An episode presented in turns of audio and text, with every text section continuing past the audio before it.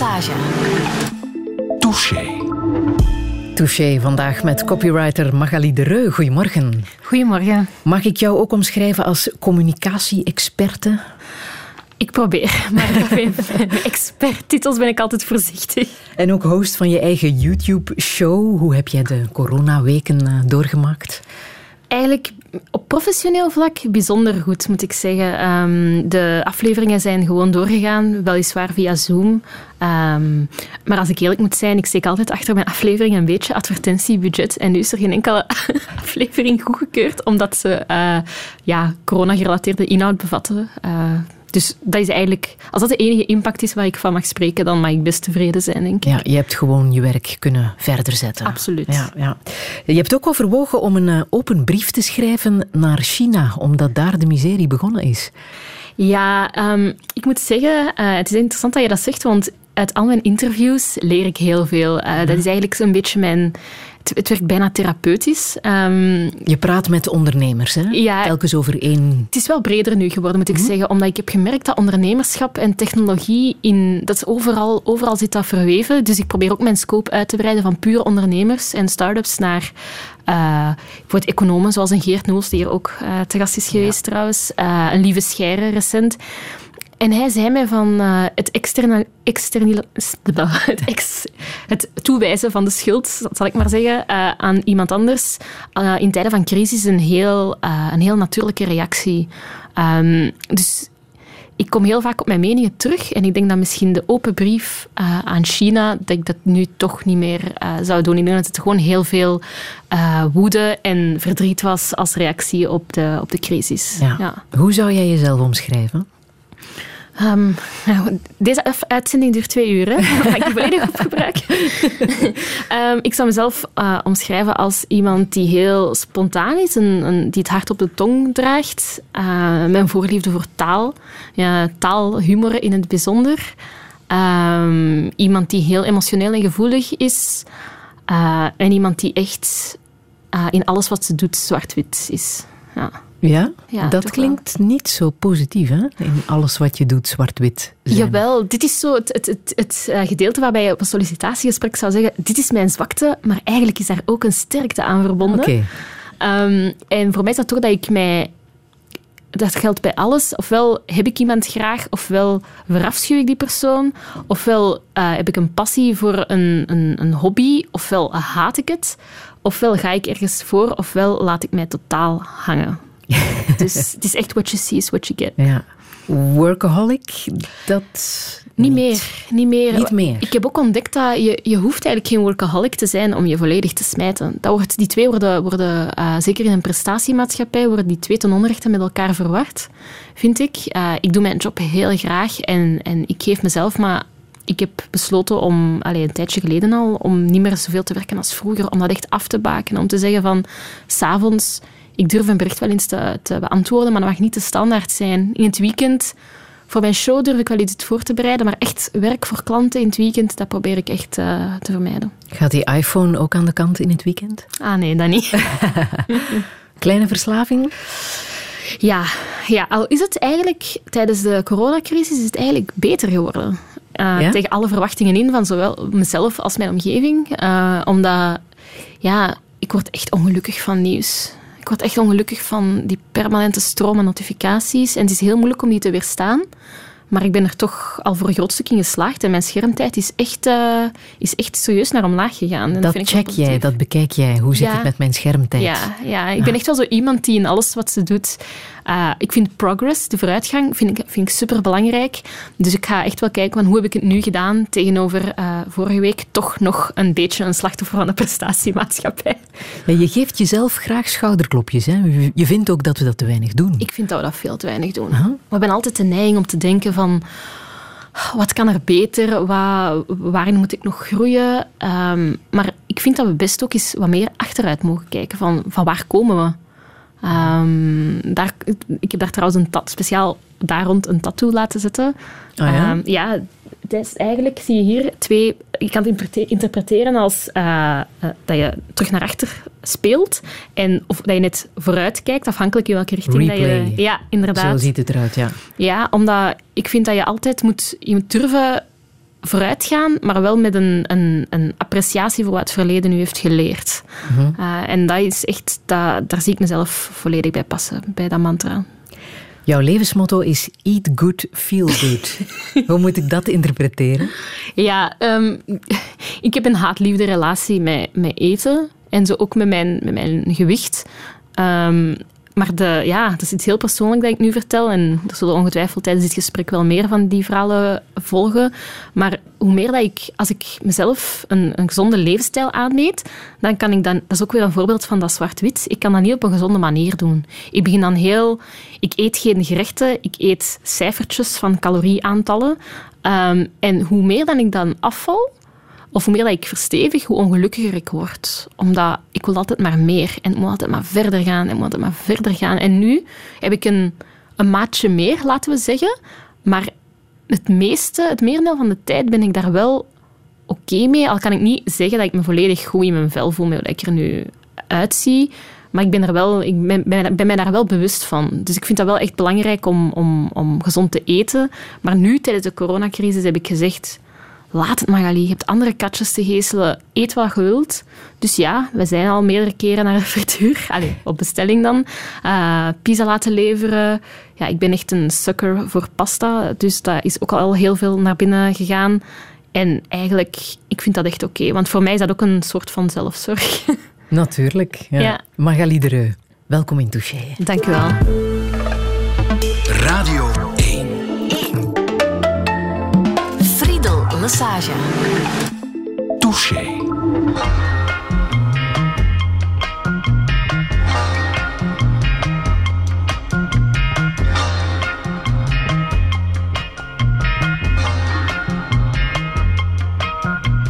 Un météorite m'a percé le cœur. Vous sur la terre, vous avez des docteurs.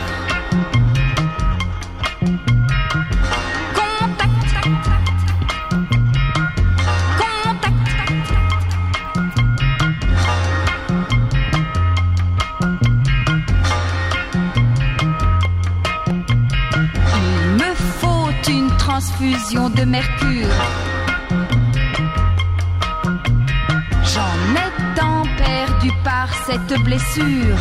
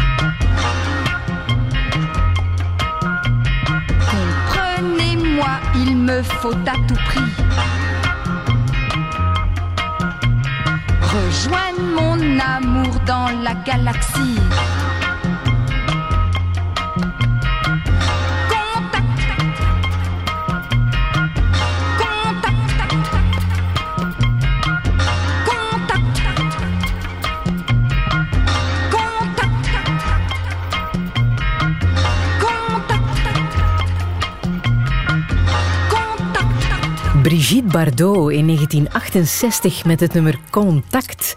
Magali Dereu, waaraan doet je dit denken? Aan mijn vriendin. het is heel grappig, want, uh, want twee of drie weken geleden zitten zij... We hebben zo uh, een playlist van, van BBC, Radio 1. En zij zette dat op en dit liedje kwam erop. En sindsdien is dat een van mijn favoriete nummers. En zingen in coronatijden? Ja, in coronatijden. Ja, Heel ironisch, hè? Ja. je kan er alleen maar naar verlangen, hè, naar dat contact. Tot het uh, terug uh, mag. Voorlopig is het nog uit den boze. Um, dat werd ook meegegeven tijdens de uh, persconferentie natuurlijk van de Nationale Veiligheidsraad. Is dat iets wat je ook hebt gevolgd? Die... Ja, met pijn in het hart. Ja? Ja. Maar ik kon er ook wel mee lachen. Ja. Ik vind dat heel belangrijk communicatiespecialiste en als copywriter kan ik mij indenken dat, uh, dat je graag mee had geschreven waarschijnlijk en mee had geregisseerd. Ja. Hoe zou jij het aangepakt hebben? Ja, ik ben heel... En dat is echt... Ik kan daarmee heel veel frustratie, met een, uh, een gepassioneerde haat over uh, praten. Dat is de, het gebrek aan zo efficiëntie en to the point zijn in zowel politiek, maar ook, ja, toen me zo een beetje denken aan het bedrijfsleven in Brussel en ongetwijfeld ook in andere steden, dat zo, er altijd een hele, ja, een ik heb het gevoel dat in België we de neiging hebben om heel veel bochten te maken voordat we het, het echte punt of het dingen, eh, het, het, het de essentie uh, vertellen. En dat had ik dus nu ook. En ik had zoiets van, begin toch met de essentie en leg dan de, de, de verklaring erachter uh, af. Dat is hoe je ook een pitch doet. Als je je, je product of idee pitcht, vertel, ik heb dat en dat moet zo'n oplossing bieden. En waarom doe ik dat? Zus, zo. Ja, en dan heb ik het natuurlijk ook niet gehad over die PowerPoint. Maar ik moet toch zeggen dat ik de kritiek op uh, Sophie Wilmes, dat ik ze wel een beetje overdreven vind soms. Mhm. Ik vind dat ze echt wel heel veel bagger over haar krijgt. Ook over de... Oké, ja, Nederlands is niet perfect, maar kijk naar Vlaamse politici, hun Frans. Kijk naar andere, die groepen bijvoorbeeld, zijn Nederlands. Ehm, ik vind het echt wel dat het, dat het best oké is, maar u moet bewijzen in een tijd als deze. Opnieuw, laten we die vrouw toch een beetje meer krediet geven. Ze heeft ook geluisterd naar de kritiek, hè? Dat is wel waar, ja. en dat heeft ze ook benoemd, dat ze daar naar geluisterd heeft, wat toch altijd een sterk punt is. Ja, dat vind ik, een heel, dat vind ik, dat vind ik dat echt getuigd van leiderschap eigenlijk. Ja. Jij uh, hebt ondertussen tijdens uh, coronadagen je eigen YouTube-show gewoon verder gezet. Klopt. Tech Mac. daarin praat je telkens met ondernemers, maar ook andere interessante mensen, telkens over één topic. En de voorbije weken had je één topnaam op je lijstje staan die je oorspronkelijk in New York zou gaan interviewen. Hè? Seth Godin. Ja. Ja, wie is dat precies, die Seth Godin? Ja, dat is eigenlijk een, die staat zo wat bekend als een marketinggoeroe. Um, iemand die heel veel weet over hoe dat je marketing in deze tijden en toekomstige tijden moet aanpakken. Um, hoe dat je moet omgaan met aandacht. Um, bijvoorbeeld een van zijn meningen is van het is niet omdat je als bedrijf een gigantisch marketingbudget hebt dat je zomaar de aandacht van, van iemand kan claimen. Dat geeft je niet het recht. Je moet nog altijd wel, wel kritisch doordacht te werken, naar je klant luisteren. In de eerste plaats een helpende hand uh, bieden en dan pas verwachten dat hij of zij zelfs overweegt om jouw product of dienst te kopen. Ik ging die inderdaad normaal in New York ontmoeten, maar corona heeft daar iets anders over beslist. Um, ook dat vond ik wel heel moeilijk, want dat ging een, een, een fysieke ontmoeting... Allee, het ging echt een mijlpaal zijn. Ik heb hem wel fysiek ook geïnterviewd, maar nu zou het echt een, ja, voor een paar uur op zijn kantoor. Het zou echt, een, echt heel persoonlijk worden. Ehm, maar we hebben het dus via Zoom gedaan en het was echt uh, het was fantastisch om zelfs in de eerste plaats met die man in contact te kunnen komen. Um, en wat vertelde hij over de coronacrisis? Hij vertelde van, ik vind het nog altijd bijzonder hoe we toch nog steeds zo op die uh, korte termijn zijn gefocust, in plaats van eens na te denken over op lange termijn. Um, we zijn heel vaak aan aan het kijken van hoe kunnen we, hoe kunnen we um, bijvoorbeeld, een, een, stom voorbeeld. Hè. We, we, we, laten ons heel hard meeslepen door van die nieuwsberichten, van zo'n een, een flash, nieuwsflash. En uh, we, we, voelen ons meteen geneigd om dat te checken. Een, rood, uh, notificatie, een rode notificatiemelding op Facebook, moeten dat meteen checken. Maar eigenlijk, als je dan aan het einde van de dag gaat kijken, hoeveel zinvolle dingen hebben we dan gedaan? Hebben we op elke, elke e-mail, elke nieuwsflash, elke uh, ping op de gsm, zijn we daar achterna gegaan of hebben we echt iets zinvols gedaan? En dat is wel een heel interessant, uh, een interessant gegeven om bij, vast, bij stil te staan. Ja. ja. kijk naar het nieuws, maar niet te lang. Nee, inderdaad. Bundel het zorg dat je op de hoogte bent, maar wees er vooral niet een hele dag uh, mee bezig. Absoluut. Dat is een goede raad. Hè? Hij gaf ook goede raad um, aan marketeers. Hè? Ja. Wat, wat zegt hij zoal daarover? Uh, wat kunnen marketeers doen in deze dagen, heb je het in over deze coronatijden? Heb je het over reacting, responding, initiating? Ja, ja. Ja, het is... Um, je moet zien dat ik het juist zeg hoor. Uh, het is, je kunt reageren op iets. Je kunt uh, ergens op reageren. Duidt dan uh, op een. Op een um, ja, bijvoorbeeld, je opent de, de, de inbox, je opent je, je mail, um, reageren op iets.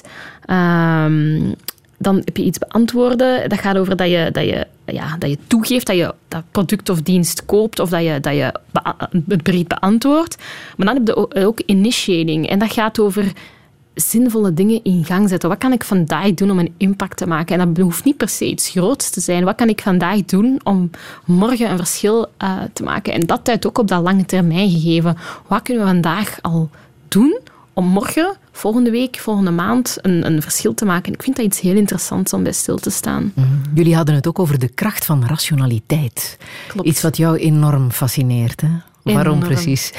Omdat ik eigenlijk totaal niet rationeel ben. Ik vind rationele beslissingen nemen heel moeilijk. Um, sinds voordat ik met mijn vriendin samen was, um, was ik zelfs extreem emotioneel. Was er zelfs helemaal geen ruimte voor ratio. Maar um, ja, het toeval of het lot uh, wil dat zij heel, net heel rationeel is. Dus dat houdt ons wel... We houden ons eigenlijk constant elkaar een spiegel voor. Dat is wel interessant. En eh, ik vind dat iets heel, iets heel bijzonder en ik voel me daar vaak ook ongemakkelijk bij. Dus ik vind het heel fascinerend om daar mij in te verdiepen. En wat Seth ook zegt is van rationaliteit is het vermogen om te kunnen zeggen van ik ben fout en alsjeblieft, gesprekspartner, vertel mij waarom ik het mis heb. U echt openstellen voor die andere mening, dat is echt de, de basis van rationaliteit. Um, tegelijk heb ik het ook over het boek gehad, uh, 52 denkfouten, van Rolf Dobelli doet me eraan denken, omdat dat het... Ik ben echt geen boekenworm, maar dat boek heeft mij echt doen stilstaan bij dingen en het deed me zo ongemakkelijk voelen dat ik wel moest verder lezen. Ja, dat gaat over de kunst van het heldere denken, hè? Ja. waar inderdaad 52 denkfouten worden uitgelegd, zoals bijvoorbeeld... Uh, ja, om even verder te gaan op dat van het, het nieuws. Hè. Dus bijvoorbeeld, de, en dat haalt het boek ook aan, dat voorbeeld. Een man rijdt over een brug en die brug stort in elkaar en die man ja, die gaat dood, die valt in het water. Um, en in plaats van dat nieuws ingaat op wat er met die brug mis was, bijvoorbeeld metaalmoeheid, um, gaat, die, gaat dat nieuws verder op het leven van die man en waarom dat zo zonde was. Um, want die had net een nieuwe, een, dat is net genezen van kanker bijvoorbeeld, en die had net een nieuw pad in zijn leven ingeslaan. Nee, eigenlijk zou dat nieuwsbericht moeten gaan over wat er mis was met die brug. Of uh, ja, de confirmation bias, waar we ons allemaal heel schuldig aan maken. Doordat we door, uh, vandaag de dag door slimme algoritmes constant worden gevoed met uh, berichtgevingen die ons overtuigen of ons onze overtuiging of mening ergens over bevestigen, in plaats van ons uitdagen om net anders te gaan denken. Dus ik vind dat heel interessant. Ja. Je hebt ook de vraag gesteld aan Seth Godin um, wie zijn grote voorbeeld is. En dit was zijn antwoord. My biggest example is you and 10,000 people like you. It's the people who read my stuff, the people who interact, uh, the people I encounter who are making things better in ways I could never imagine. These are the people that inspire me every day. Jij bent zijn grote voorbeeld, Magali. Enfin, spreekwoordelijk, ja, hè? Ja, ja. maar wat een fantastisch antwoord. Ja, toch wel. En, en ja, het kwam ook heel spontaan over. Ik stuur mijn vragen ook nooit vooraf door, dus hij kon het ook onmogelijk hebben ingestudeerd. Um, en ik vind dat heel, dat dat echt getuigt van niet alleen rationaliteit, maar ook van bescheidenheid. Ja, Terwijl hij zo'n grote marketinggoeroe is. Inderdaad. 19 boeken heeft geschreven, heel populaire podcast, heel veel volgers. Ja. Um, een groot uh, voorbeeld voor heel veel mensen. Maar dan zo'n antwoord, ja. dat is knap. ja.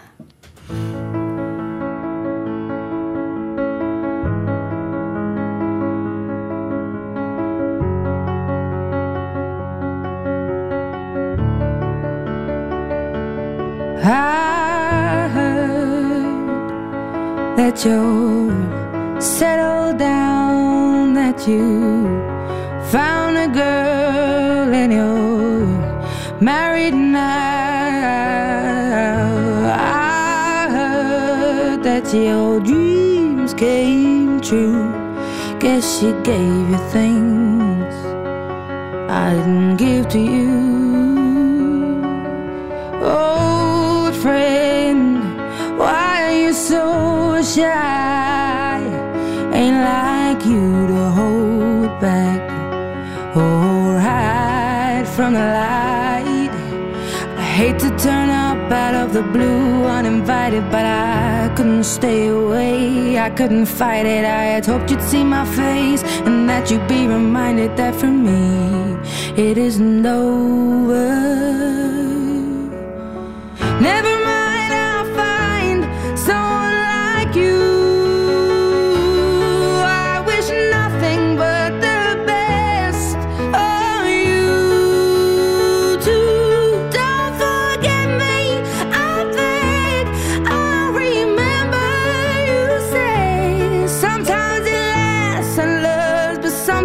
it hurts instead. Sometimes it lasts and loves, but sometimes it hurts instead.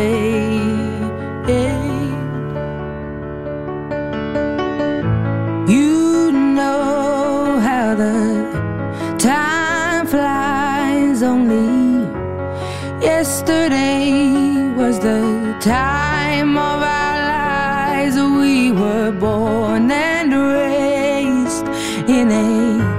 Summer haze, bound by the surprise of our glory days. I hate to turn up out of the blue uninvited, but I couldn't stay away. I couldn't fight it. I had hoped you'd see my face and that you'd be reminded that for me it isn't over.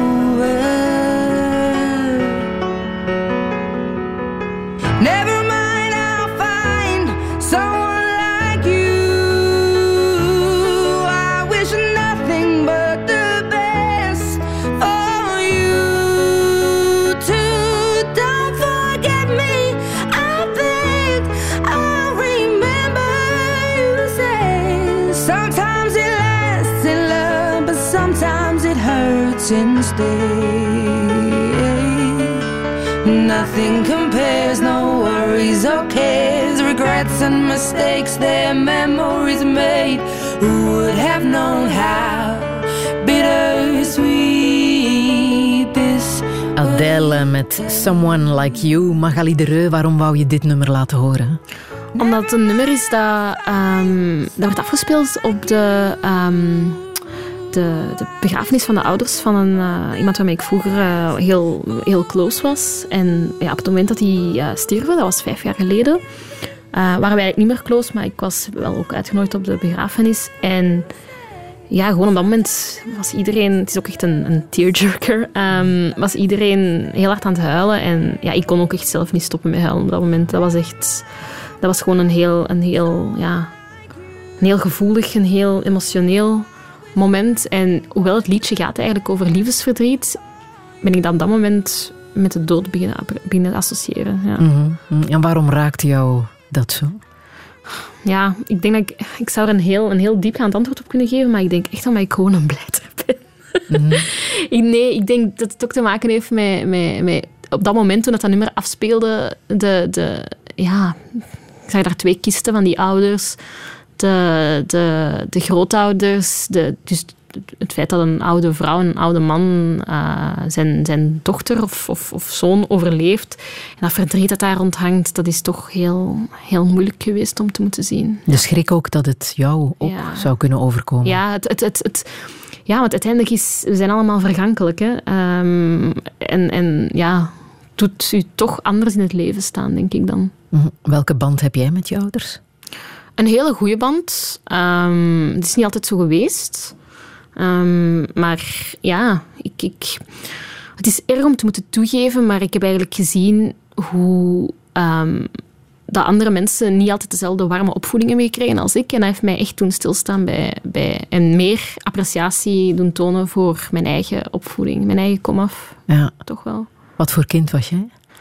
Ehm, ik was echt ik was een moeilijk kind. Ehm, de, eerste, de eerste vier, vijf jaar van mijn leven denk ik dat ik, ik was een heel stil en braaf kind. Maar dan ja, is dat volledig omgeslaan. Was ik, was ik een redelijk angstig kind. Heel veel verlatingsangst. Ehm, in de puberteit werd dat niet veel beter. Net zoals elke tiener heel veel struggles, maar ook op een bepaalde manier mee omgegaan. Ja, dan kwam die diagnose van Asperger. Dat heeft ook heel veel eh, beïnvloed. En ja, dat heeft mij gemaakt tot wie ik vandaag ben. Ehm, ja. Hoe ben je mm, daartoe gekomen dat je je hebt laten onderzoeken voor eh, ehm, Asperger? Ja, ehm, eigenlijk heel mijn, mijn jeugd. Dus ik, ben, ik heb de diagnose gekregen op mijn denk 12, 14 jaar. 14 jaar, denk ik. Ehm, en daarvoor was er altijd, er was altijd iets mis. En er kon niemand daar de vinger op leggen wat dat was. Ehm, ik lag niet goed in de groep. Ik had wel vriendjes en vriendinnetjes, maar die waren, ja, dat was een heel, heel klein groepje. Ehm, en ik was ook altijd heel goed in, in alles wat met talen te maken had, maar heel slecht in alles wat met, met wiskunde en logisch denken eh, ehm, te maken had. En dan hadden een paar leerkrachten in het eerste middelbaar geopperd. Misschien moet je je dokter maar eens laten testen op autisme. Maar ja, ik, uh, ik weet niet of je, dat, of je dat weet, maar dat is inmiddels 16, 17 jaar geleden. En autisme werd toen nog anders. Dat was eigenlijk bijna zeggen van, misschien is uw kind gestoord. Um, misschien lijkt overdreven, zeker als je naar het huidige, de huidige samenleving kijkt. Maar toen was dat wel zo. En mijn ouders, hun eerste reactie was van, zeg, denkt hij wel? Maar ze hebben mij dan toch laten testen. En toen kwamen er heel veel antwoorden, maar tegelijk ook heel veel vragen. Hmm. Welke antwoorden kreeg je dan? Dingen die tot dan niet duidelijk waren? Um, bijvoorbeeld waarom dat ik... Um, ik kon soms, en ik, dat is nog steeds zo, ik kan of kon soms, soms nog dingen zeggen die je eigenlijk niet zegt. Die eigenlijk niet, niet, sociaal niet, niet aanvaardbaar uh, zijn. Um, en dat zorgt voor heel veel hilariteit, maar dat zorgt ook heel... Ja, als, als, als tiener kan, dat, kan je dat soms echt in de problemen. Zoals? Wat durfde jij dan te zeggen? Het gaat niet alleen over zeggen, het gaat ook over dingen, over dingen doen. Um, uh, zeggen bijvoorbeeld uh, dat ik dat een leerkracht, ik weet nog een leerkracht een, uh, een spelfout op het bord schreef. En ik sta recht en ik zeg, mevrouw, dat kan niet, dat is een dt-fout. Dat hoort echt niet. En die vliegt tegen mij uit van, ah, wie is hier de leerling en wie is hier de leerkracht? Um, dus ja, laten we zeggen dat ik niet altijd mijn plaats kende. um, en ook de manier waarop dat ik dat dan uh, uitte, dat niet altijd de meest uh, constructieve manier was. Um, en dat ligt moeilijk om te begrijpen ook, want je had gelijk. Ja. Het was een dt-fout. Ja, ja, inderdaad. En, en ja, ik kan daar echt kwaad van worden, van dt-fouten. Het is wel verbeterd. Maar hoe was het dan voor jou om die diagnose te krijgen? Je zegt, um, ik kreeg antwoorden, maar um, er kwamen ook veel vragen ja, met vooral, die diagnose. Vooral van, en nu? En, en het, oh, het zo pijnlijke hè, is dat op, dat op dat papier, die verslaggeving stond, deze persoon gaat nooit in staat zijn om alleen zelfstandig te kunnen functioneren. Ja, altijd hulp nodig hebben. En eigenlijk had toen, voor mij was dat de samenleving mij toen gereduceerd tot een hulpbehoevend kwezeltje eigenlijk. Ja. Hm. En dat was heel pijnlijk. En ook, ja, mijn eerste reactie was van, dat zal ik dan maar aanvaarden. Ik kan dat maar beter aanvaarden, maar dan ben ik ook tegen die dingen beginnen vechten. Had ik zelfs het, op een gegeven moment het idee van, dit klopt niet, want dit strookt niet mee wat er op Wikipedia of in al die boeken over autisme staat. Uh, dit komt daar niet mee overeen. Ik, uh, ik verzamel geen postzegels. Ik ken niet alle treinuren van buiten. Dit klopt niet. Maar dat is net het mooie. En dat is net ook wat mij gechallenged heeft. Zoals ik eerder zei, ik ben iemand die heel graag in uh, alles of niets, zwart, dat zwart-wit denken. Maar net het autisme-spectrumstoornis is niet zwart-wit. Het is een spectrum. -hmm. En heb je jezelf ook beter leren kennen net door die diagnose? Absoluut. Ja. Echt wel. Ja. En wat zijn dan bij jou de typische eigenschappen die je daaraan kan wijden? Um, dus naast mijn zwart denken ben ik ook heel... Wat, het ding is, ik heb niet alleen Asperger, maar ook uh, ADHD. Het zijn, het zijn, heel comorbide. En soms zou je zelfs kunnen zeggen dat in een traditioneel beeld dat mensen van autisme hebben, dat die elkaar tegenspreken. Ik ben niet heel uh, introvert of in mezelf gekeerd. Het beeld was toch heel veel mensen over iemand met autisme hebben. Maar ik ben heel extravert. Um, ik, ben, ik kan urenlang babbelen, um, maar dan het autistische dat erbij komt. Ik kan soms heel lang over mezelf en mijn eigen interesses uh, blijven doorgaan. Ik hoop dat ik dat nu te, niet te veel doe. Ik kan ook heel... Uh, ja, ik ben ook heel, heel, heel gevoelig. Ik kan me heel, heel moeilijk over dingen overzetten. En, en ja, heel veel uh, de zintuigelijke prikkels komen bij mij tien keer zo hard binnen als bij iemand anders. Um, en ja, er zijn nog andere dingen die ik pas zelfs afgelopen drie jaar heb ontdekt van oké, okay, dat hoort ook bij autisme. En dat... Enerzijds kan ik mezelf zo beter leren kennen, maar anderzijds vind ik het frustrerend dat zelfs een ding waarvan ik dacht, dit maakt mij uniek, ook ergens tot een ziektebeeld hoort. Ja. Je noemt het zelf onzichtbaar autisme. Waarom precies? Omdat als je mij ziet en als je mij spreekt, dan ga je niet denken van die persoon die heeft een, een ontwikkelingsstoornis. Um, maar als ik dan iets ga doen, dus wanneer, ik dan, wanneer dat een persoon mij dan, dan langer kent of, of weet van oké, okay, daarmee kan ik normaal, normale gesprekken voeren. En als ik dan iets doe dat niet strookt met hoe dat een normale mens zich gedraagt, dan gaan mensen denken maar wat een onbeleefd kind. Of, oh, die is irritant. Of, oh, dat is echt iets uh, heel intens voor mij. En dat is wel jammer, want ik ben... Ik, ik, ik, heb een super goede opvoeding gehad en ik heb manieren, maar sommige dingen, ja, sommige dingen zijn gewoon... Ik weet niet beter. Maar dat probeer ik mezelf ook wel... Ik probeer daar wel ook tegen te vechten, want als je zegt ik weet niet beter, dan is dat precies of je legt jezelf erbij neer en dat is het laatste wat ik wil doen. When you fall asleep with your head upon my shoulder, when you're in my arms, but you've gone somewhere deeper. Are you going to age with grace? Are you going to age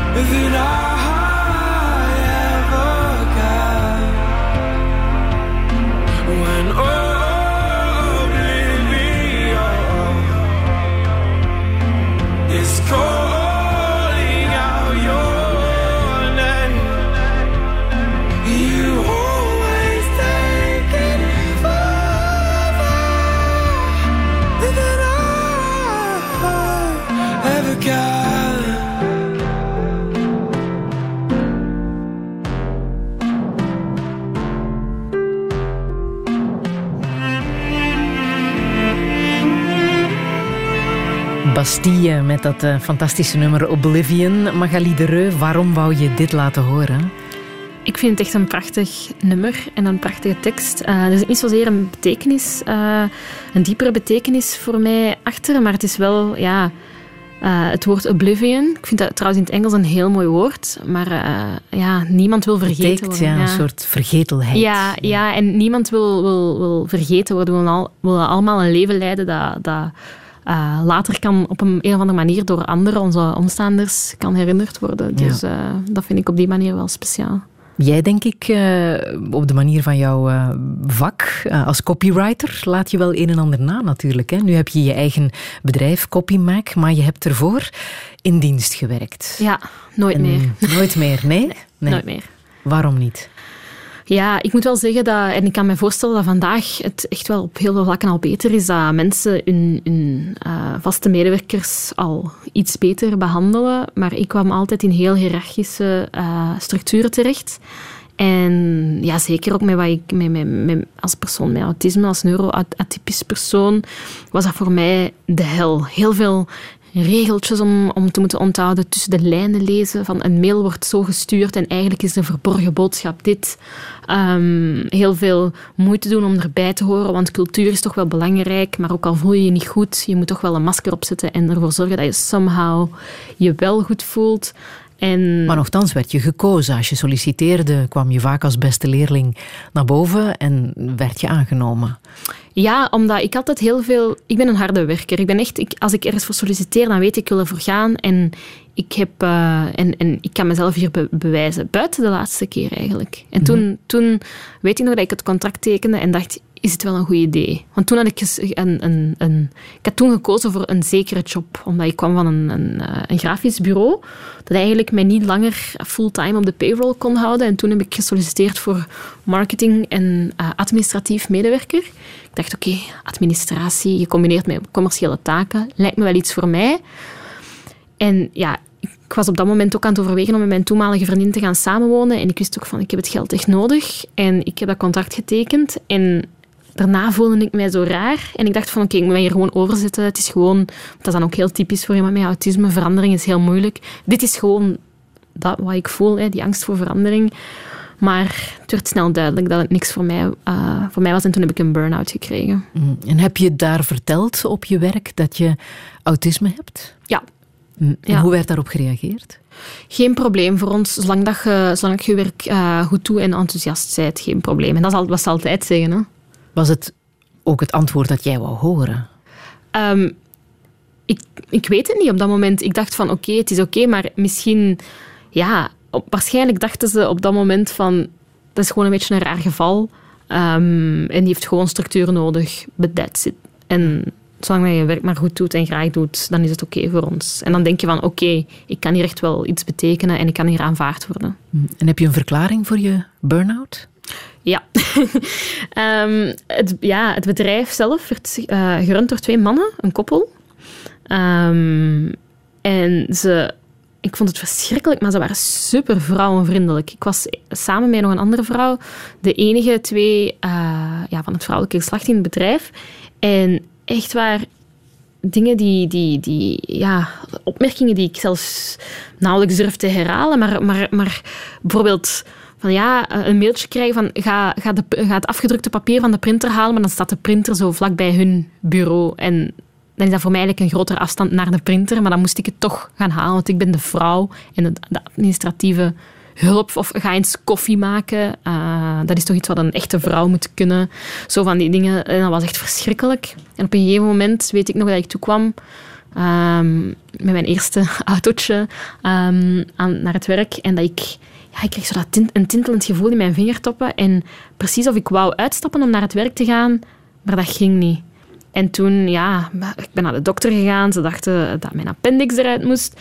En uiteindelijk had ik gewoon zo'n zware ontsteking in mijn maag van de stress. En ik laat dat weten aan mijn werkgever en die zegt van, ah ja, maar de maat van mij heeft dat ook al gehad. Normaal gezien moet je na een week wel terug zijn. Dus die begreep het ook totaal niet. Hmm. En toen, welke beslissing heb je toen genomen? Ik weet nog dat ik dan toen, ehm, na een maand, ben ik teruggegaan en ik heb toen heel veel uh, ja, nagedacht van wat wil, ik, wat wil ik doen, want dit was het duidelijk niet. En ik ging al, ik ging na een lange maand ging ik dan terug en ik voelde terug dat gevoel en toen heb ik gezegd van ik ga een ontslag geven en ik ga voor mezelf werken. En dat was de juiste beslissing. Ja, inderdaad. ik zie je terug opfleuren. Ja. Waarom precies? Waarom was dat dan voor jou de beste oplossing? Je eigen baas zijn?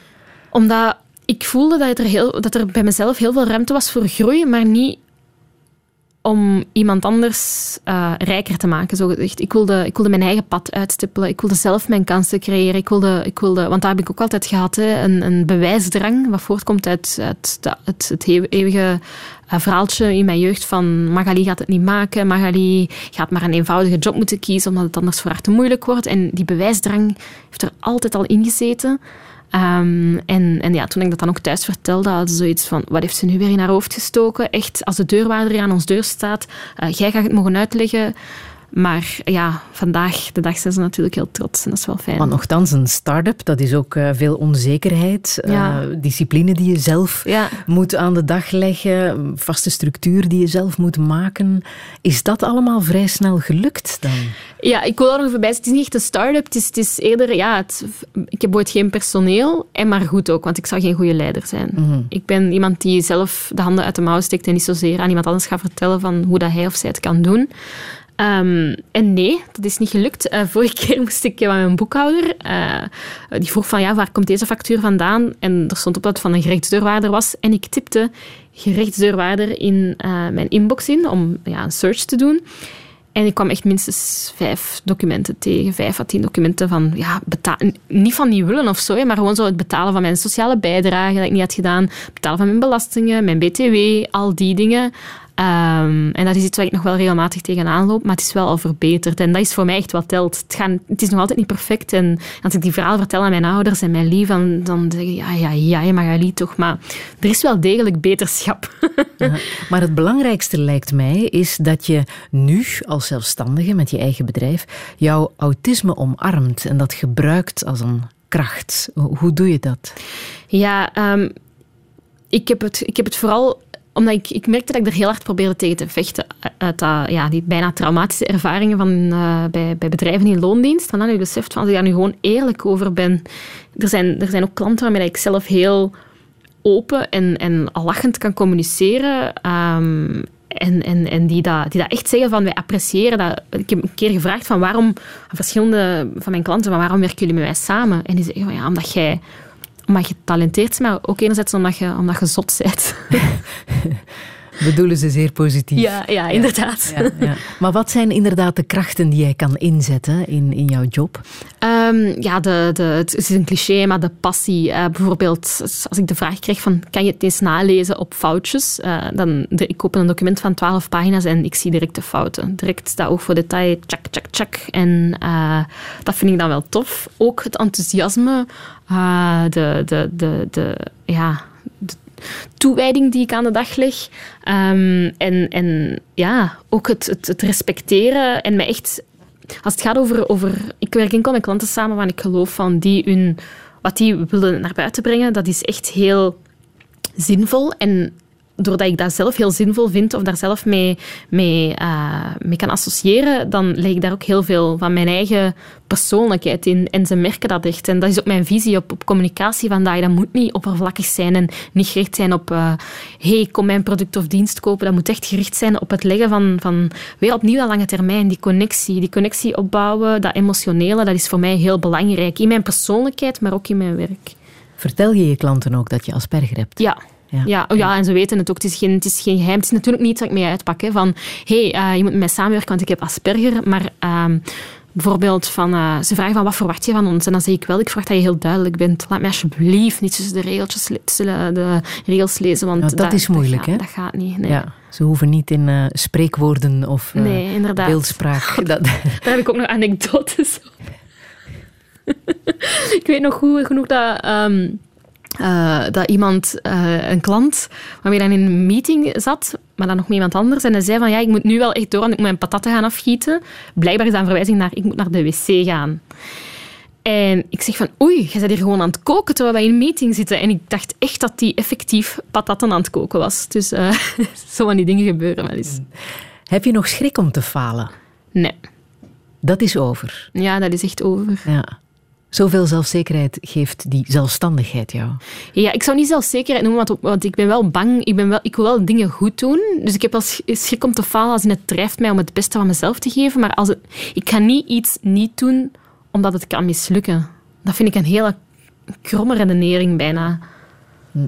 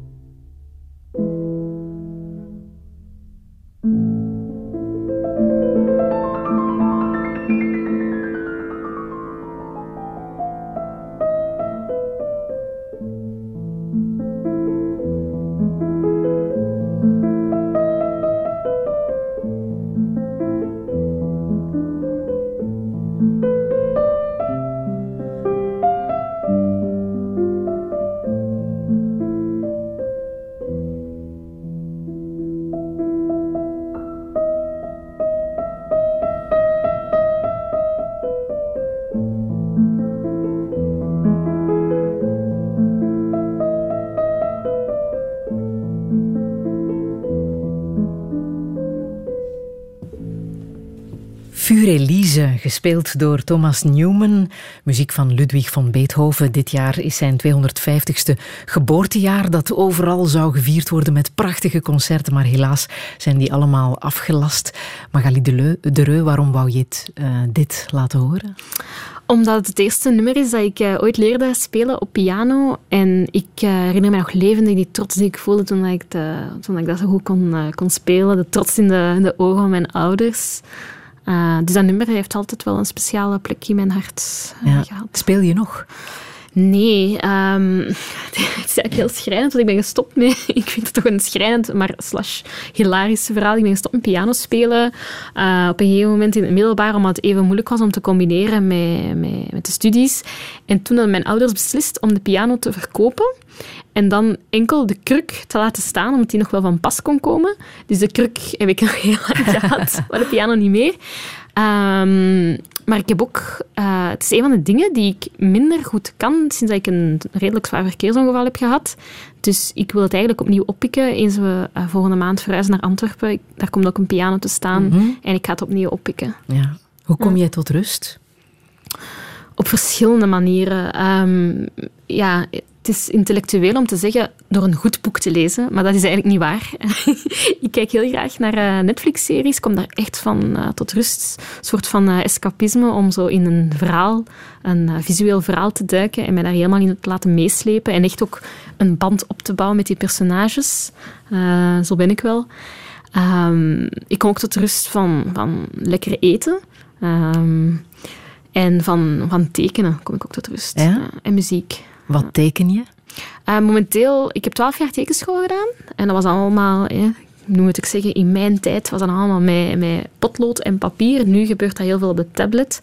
Uh, en ik heb dus een tablet gekocht met zo'n een, een potlood, een Apple potlood. En daar kan je dan mee, mee tekenen. Ik teken mijn, mijn, mijn gevoelens. Ik, pro ik probeer ook mijn liefde voor taal daarin te verwerken. Dus spreekwoorden uh, probeer ik te tekenen. Ja. Spreekwoorden tekenen? ja. ja. ja. Wie is jouw favoriete kunstenaar? Dali. Ja? Ja. Waarom precies? Ja, dat surrealisme, ik vind dat, ik vind dat geweldig. Ja. ja. En welk werk?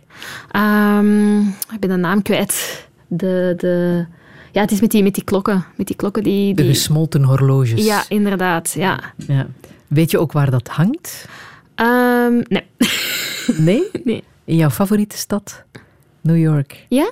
In het MoMA. Oké, okay, ja. Ik, heb het MoMA zelfs nog niet bezocht. Uh, maar wel al vaak in uh, New York geweest. Ja, New York en LA eigenlijk. Ja. ja. LA is zelfs nog mijn... Ja, sinds kort is uh, LA mijn meer, eigenlijk meer de favoriet. Ja. Van waar die liefde voor, voor Amerika? Ik moet wel eerlijk toegeven dat mijn liefde voor Amerika nu op een, een kantelpunt is gekomen. Mm -hmm. Omdat ik zie ook... Ja, als je, daar, als je daar niet rijk bent of geen welvarend persoon bent, dan, dan ja, kun je letterlijk doodgaan. Kan kun je het met je leven bekopen. Maar uh, los daarvan heeft de Amerikaanse cultuur mij altijd meer... Uh, ja, ik voelde mij daar altijd meer thuis, omdat... Ja, daar is het echt zo van, ga ervoor en de, sky is the limit. En hier is dat zo in België van, doe maar een keer normaal. Hè. Um, daar is echt oké om je om dromen achterna te gaan. Daar zijn ze ook heel eerlijk en zeggen ze direct uh, waar het op staat, heb ik het gevoel. En ja, in LA is ook het goede weer, dat maakt me echt vrolijk. Mm. Ja. Maar een verhuis naar Amerika, zit dat er ooit in, denk je? Nee, nooit. Vroeger zou ik hebben gezegd van, zeg nooit, nooit. En met vroeger bedoel ik letterlijk zes maanden geleden. Hè, maar ja, nu ja. nooit. Nee. En waarom niet? Wat is dan voor jou echt de doorslag? Eerlijk, um, we zijn twee jaar geleden naar New York gegaan. En mijn vriendin heeft daar een diagnose gekregen van uh, multiple sclerose. En toen heb ik beseft van, toen die ziekenhuisrekening zag van, dit is toch niet, dit is toch niet normaal. En daar ook de medicatie zou super duur zijn. Um, en ik zou, ik zou haar gewoon nooit in zo'n situatie of in zo'n levensomstandigheden willen, willen zetten eigenlijk. En, en toen dat ik heel ongelukkig begon te worden in Brussel, waar ik nu woon, begon ik terug te verlangen naar Amerika. Maar eigenlijk was het niet verlangen naar Amerika, verlangen, maar verlangen naar een andere stad dan Brussel. Mm -hmm. Dus... We hebben nog heel veel om over te praten, Magali. Maar eerst nog even filmmuziek uit The Green Mile. Een van jouw favorieten kan ik niet zeggen, maar een film die jou heel erg heeft uh, geraakt. Hè? Waarom precies? Ik was veel te jong toen ik de film zag. Um, film uit 99, hè? Toen was jij nog een klein meisje. Ja, inderdaad. Uh, inderdaad. Ik was tien jaar toen. Um, ik denk wel dat ik hem op mijn twaalf jaar heb gezien, als ik me niet vergis. Maar ik vond dat gewoon zo vreed. En dat heeft mij, ik denk echt dat dat mij een beetje heeft getraumatiseerd. Want ik droom sindsdien en tot op heden, nog niet zo lang geleden zelfs, nog vaak over dat ik uh, word geëlectrocuteerd in een elektrische stoel. Ja. Daarover gaat het, hè? Een cipier die een uh, elektrocutie van een uh, gevangene heeft meegemaakt. Um, met Tom Hanks in, in de hoofdrol.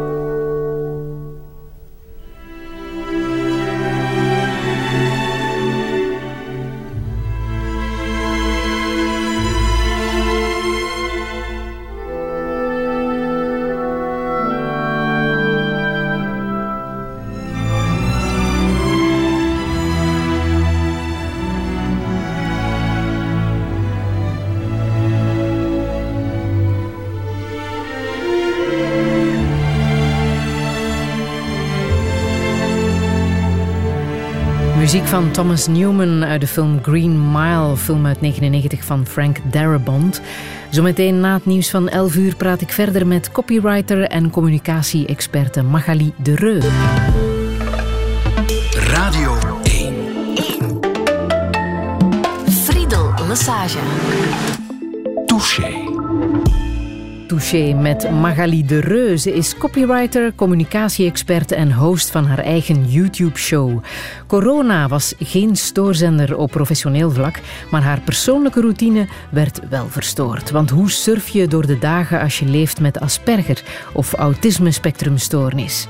Toen ze op haar veertiende deze diagnose kreeg, kwamen niet alleen de antwoorden, maar ook de vragen. Kan ze nog naar een normale school? Zal ze ooit kunnen aarden in een normale werkomgeving? En hoe zit het met relaties? In plaats van zich te laten wurgen door Asperger, heeft ze de stoornis omarmd. Maar hoe moet het verder? Wat weten we ondertussen over autisme bij vrouwen? Zal de maatschappij haar stoornis ooit begrijpen en zal ze ooit de rust vinden die ze nodig heeft? Dit is Touché met Magali de Reu. Een zeer goede middag.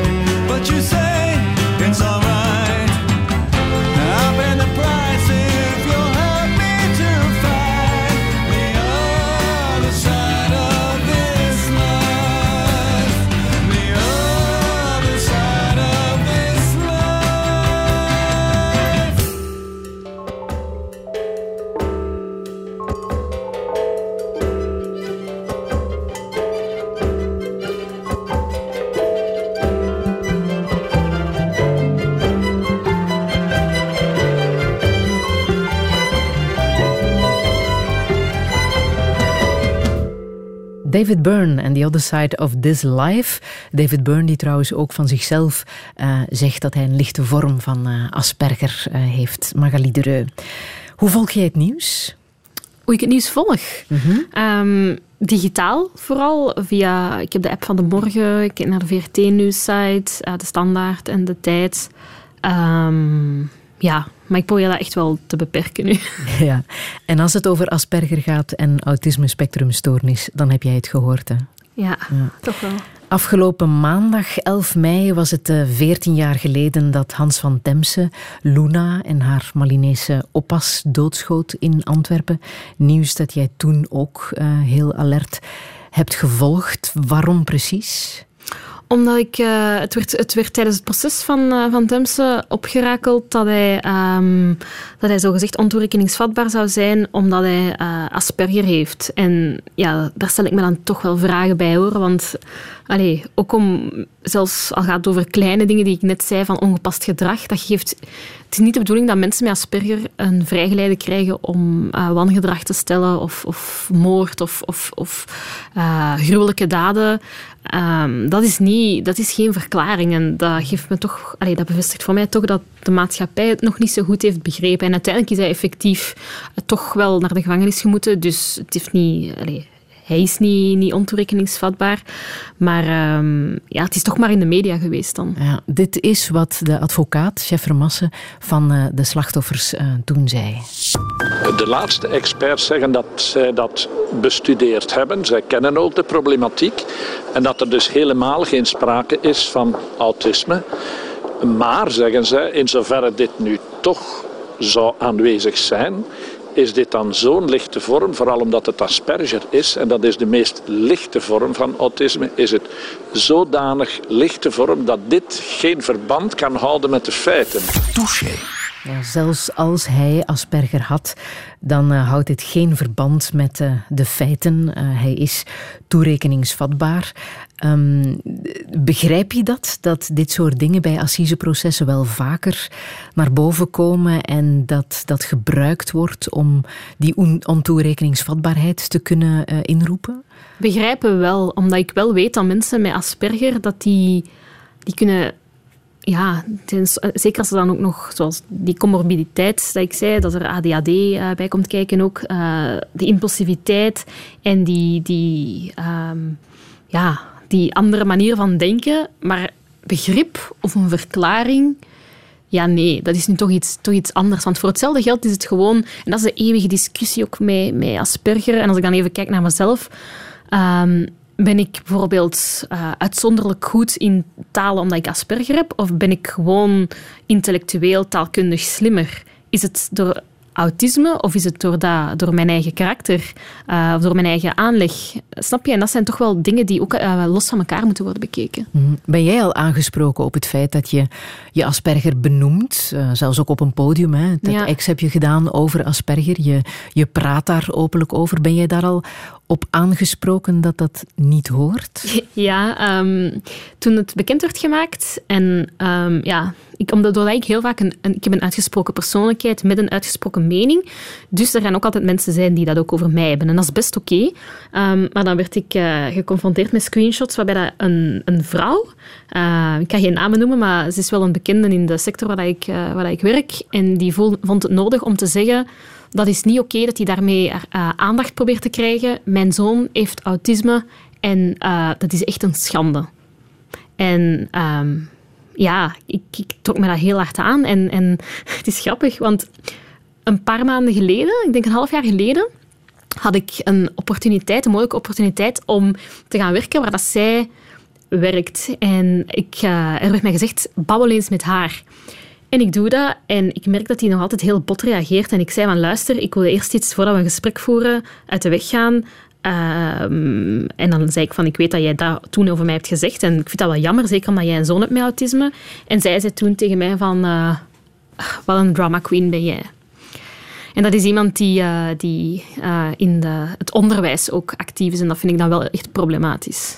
Hoe kijk jij bijvoorbeeld naar Greta Thunberg, de milieuactiviste, die ook Asperger heeft? Ik vind het supercool wat, wat, wat Greta doet. Um, maar ik vind en ik vind het oké dat, ze, dat, ze, um, dat het wordt benoemd dat ze Asperger heeft, maar het wordt ook wel... er wordt zoveel meer gespot met haar manier van, haar manier van doen over de, de, de speeches, uh, waarbij dat ze dan echt woede en, en, en ja, verdriet toont. En dat wordt, dat wordt dan gezegd van ja, dat is overdreven. Of dat, maar ik kan me best voorstellen dat Greta zich zo voelt. Als je echt zo Ehm, veel passie en affiniteit voelt met een onderwerp, dat je daardoor gaat wenen of, of, of roepen of, of, uh, of, of, ja, zelfs zo ver wilt gaan dat je dan inderdaad met een boot ergens naartoe, naartoe gaat, dan vind ik, vind ik dat oké. Okay. Vind ik dat meer dan oké, okay, want ze staat er eens voor. Ja. Ze staat er eens voor en toch... Vind Herken je iets van jezelf in Greta Thunberg? Ja, dat, um, van dit moet zo en ik zal er nu maar voor zorgen dat het ook in de aandacht komt en dat ze er iets mee moeten, mee iets moeten doen. Ja. ja. Het kwam um, ook uh, aan bod in het uh, assiseproces, het euthanasieproces rond Tine Nijs. Die um, jonge vrouw die euthanasie wou en uh, drie maanden voor haar dood ook de diagnose um, autisme-spectrumstoornis heeft gekregen. Dat is ook een proces dat jij nauw hebt gevolgd. Hè? Ja, en mijn ouders ook. Mm -hmm. Ja, en, en het ding is, toen werd ook gezegd van ja, um, toen, toen dat Tine, de, ik ken haar voor alle duidelijkheid niet, maar ik heb het wel echt op de voet gevolgd inderdaad. Maar toen dat zij de diagnose kreeg, was er nog zoveel onbekend over hoe dat autisme zich manifesteert bij vrouwen. En mijn mama had zoiets van, niet in mijn woordenboek, want ik weet al Allee, wij weten al wel wat langer wat autisme bij vrouwen betekent. En nu doen ze pas alsof er nu nieuw onderzoek over vrouwen met autisme aan, aan het licht komt. En het is zo dat dat een domein is dat zich blijft ontwikkelen. Maar ik weet zeker dat zij... Zij heeft volgens mij als ik het zo... ik baseer me natuurlijk enkel op de media, maar zij, zij heeft, niet de, zij heeft geen autiproof behandeling gekregen. Zij, er werd gesproken over, uh, over ja, dat, dat, ze moeilijk met haar leven omkomt, dat ze een, haar partner, uh, dat het een relatie was voorbijgegaan. Uh, en dan werd er dan, dat is dan typisch, want dat is bij mij ook gebeurd, werd er gegooid met termen zoals vermoeden van borderline. En borderline en autisme lijken toch wel op elkaar? Ja, nee, dat lijkt helemaal... Er zijn overeenkomsten, maar het is zeker niet iets van oei, het was eigenlijk geen borderline, maar autisme. Oeps, zo, zou, zo is het totaal niet. Hoe anders manifesteert autisme zich bij vrouwen als je het vergelijkt met mannen? Mannen beantwoorden veel meer aan dat klassieke beeld van autisme. Van, uh, dus zoals ik eerder al zei, van dat postzegel verzamelen, in zichzelf gekeerd zijn, uh, moeilijk kunnen communiceren. Bij vrouwen is het, is het, is het echt um, eerder van moeilijk hebben met, met, met ja, ook prikkels, met sociale contacten, wel willen en zich... Het wordt vaak gesproken over camouflagegedrag. Dat betekent dat mensen met autisme, en dat is vooral bij vrouwen ook het geval, dat ze heel veel observeren en zich dan het gedrag gaan, het gedrag gaan kopiëren, zodat ze eigenlijk niet uit de boot vallen. Ik heb dat ook moeten doen op bepaalde, op bepaalde vlakken. Maar ik heb daar toch niet helemaal aan toegegeven, omdat ik wel wilde... Ja, die eigenheid was voor mij te belangrijk. Ik ga echt niet uh, in een keurslijf worden gestoken van een normale mens en een neurotypisch persoon die zo of zo doet. Um, het heeft mij het gemakkelijker gemaakt, sure, maar ik ga er niet... Het is niet waar ik actief mee, mee bezig ben. Maar los daarvan is het wel belangrijk om te weten dat vrouwen met autisme... Um, ja, dat is iets helemaal anders dan mannen met autisme. Of waar ik nog een hekel aan heb van... Uh, ja, dat is een beetje autistisch van mij. Zo die uitspraken, oh, daar kan ik echt de muren van oplopen. ken jij andere vrouwen met autisme? Ja, maar eigenlijk uh, vooral online. ik heb uh, Elise Cordaro, zij heeft een, uh, een boek geschreven daarover. Um, en zij, zij post regelmatig dingen waarvan ik denk... Oh my god, ik heb dat ook. En dat is precies of, of, of er is een kopie van, van mezelf. En dat is wel angstaanjagend. Maar het blijft ook verhelderend. Je blijft zelf ook zoeken naar meer informatie van wat ja. er nu precies aan de hand is? Ja, inderdaad. Um, en ook, ik heb ook gelezen dat er, vind ik super interessant, dat er een, uh, in de hersenen, dat er eigenlijk Eigenlijk is het zo dat veel vrouwen met autisme dat die ook uh, homoseksueel zijn. Dat er een, een, correlatie is tussen homoseksualiteit en autisme. En daar wordt onderzoek naar gedaan. En in de praktijk zie ik dat ook wel de, de vrouwen met autisme, nu niet Elise specifiek, want zij heeft een vriend, maar uh, vrouwen met autisme die ik ken, die uh, zijn ook samen met mensen van hetzelfde geslacht dikwijls. En dat is toch wel... Het is een onderzoek, het is een, een thema dat in beweging is en dat fascineert mij. En is daar een verklaring voor? Als ik, ik heb erover gelezen, maar het is wel een tijdje geleden. Als ik me niet vergis, um, het heeft te maken met een stof die niet in voldoende uh, die niet in dezelfde mate aanwezig is dan bij een normaal, persoon. En dat is ook het geval bij... Die, het stof heeft ook een invloed op de, op de geaardheid. Maar ik zeg het, ik ben geen wetenschapper, dus het is ook al even geleden dat ik het heb gelezen. Maar ik ben wel benieuwd om te zien hoe het zich verder zal evolueren.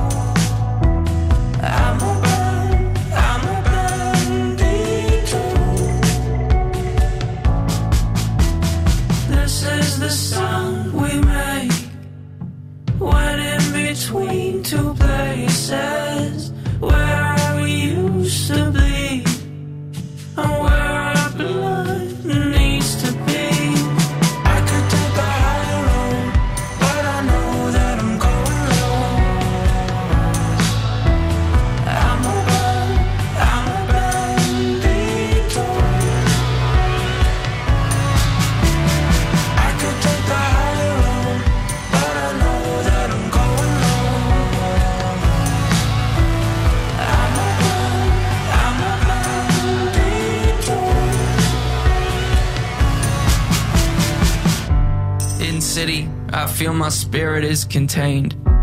Like neon, inside the glass they form my brain. But I recently discovered it's a heatless fire. Like nicknames they give themselves to uninspire. Began with bullet, now add fire to the proof. But I'm still not sure if fear's a rival or close relative to truth. Either way, it helps to hear these words bounce off of you. The softest echo could be enough for me to make it through.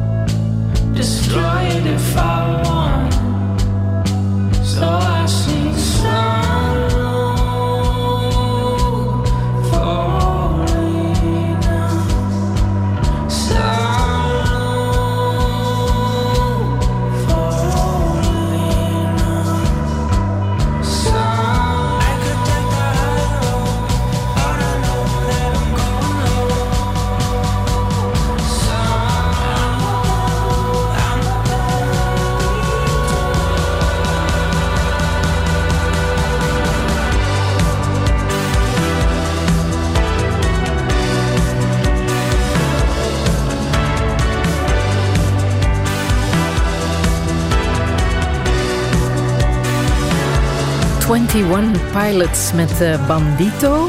Magali de Reu, waarom wou je dit laten horen? En dit nummer gaat over, uh, over depressie en het overwinnen van, uh, van depressie. In dit geval zijn de bandito's, zogezegd mensen die in een soort van onderwereld leven en daaruit proberen te ontsnappen. Ah, en op welke manier herken jij je daarin? Ja, ik neem... Uh, ik maak er geen... Want mensen vinden dat altijd raar als ik dat zeg. En dan zo van, oei. Maar ik neem al acht jaar antidepressiva omdat ik, uh, omdat ik heel veel last heb van angsten. Um, meer bepaald is dat verergerd na mijn een zwaar verkeersongeval dat ik heb gehad in 2011. Uh, waar ik eigenlijk geluk mag, mag hebben dat ik hier überhaupt nog zit. Um, Wat is daar toen gebeurd? Uh, ik, ik, had nog geen rijbewijs, dus ik was als passagier in de auto van mijn toenmalige beste vriend. Um, en ja, die slaagt af en er komt een, uh, komt een auto aan uh, volle snelheid. Ik geloof dat het 90 of 120 was op een baan van 70. En die raakt mij in de, in de, in de flank, de auto. En um, de reden omdat hij eigenlijk extra... Ja, ja, een heel moeilijke gebeurtenis was, ook om over te babbelen, is omdat dat, dat vlak gebeurd bij, de, bij het ouderlijke huis waar ik toen nog woonde. En ze gingen toen s'nachts, het was om één uur s'nachts, mijn ouders verwittigen. Uh, iemand ging daar aanbellen en die komen daartoe bij de, plaats van, bij de plaats van het ongeval. En die zien hoe de brandweer mij probeert te bevrijden uit dat wrak. Um, maar om mij te beschermen tegen losliggende glasscherven werd er een laken over mij gelegd. En mijn ouders komen op dat moment toe en die denken natuurlijk, ons kind is overleden.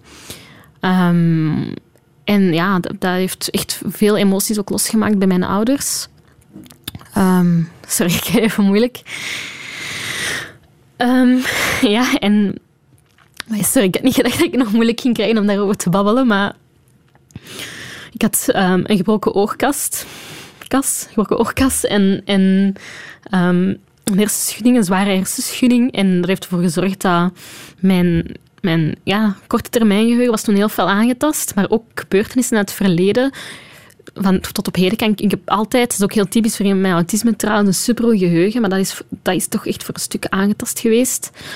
Um, maar kijk, ik ben vooral blij dat ik mij daar heb over kunnen zetten, want ik had toen gezegd van ik ga geen rijbewijs halen, nooit. En ik heb dat drie jaar later toch gedaan.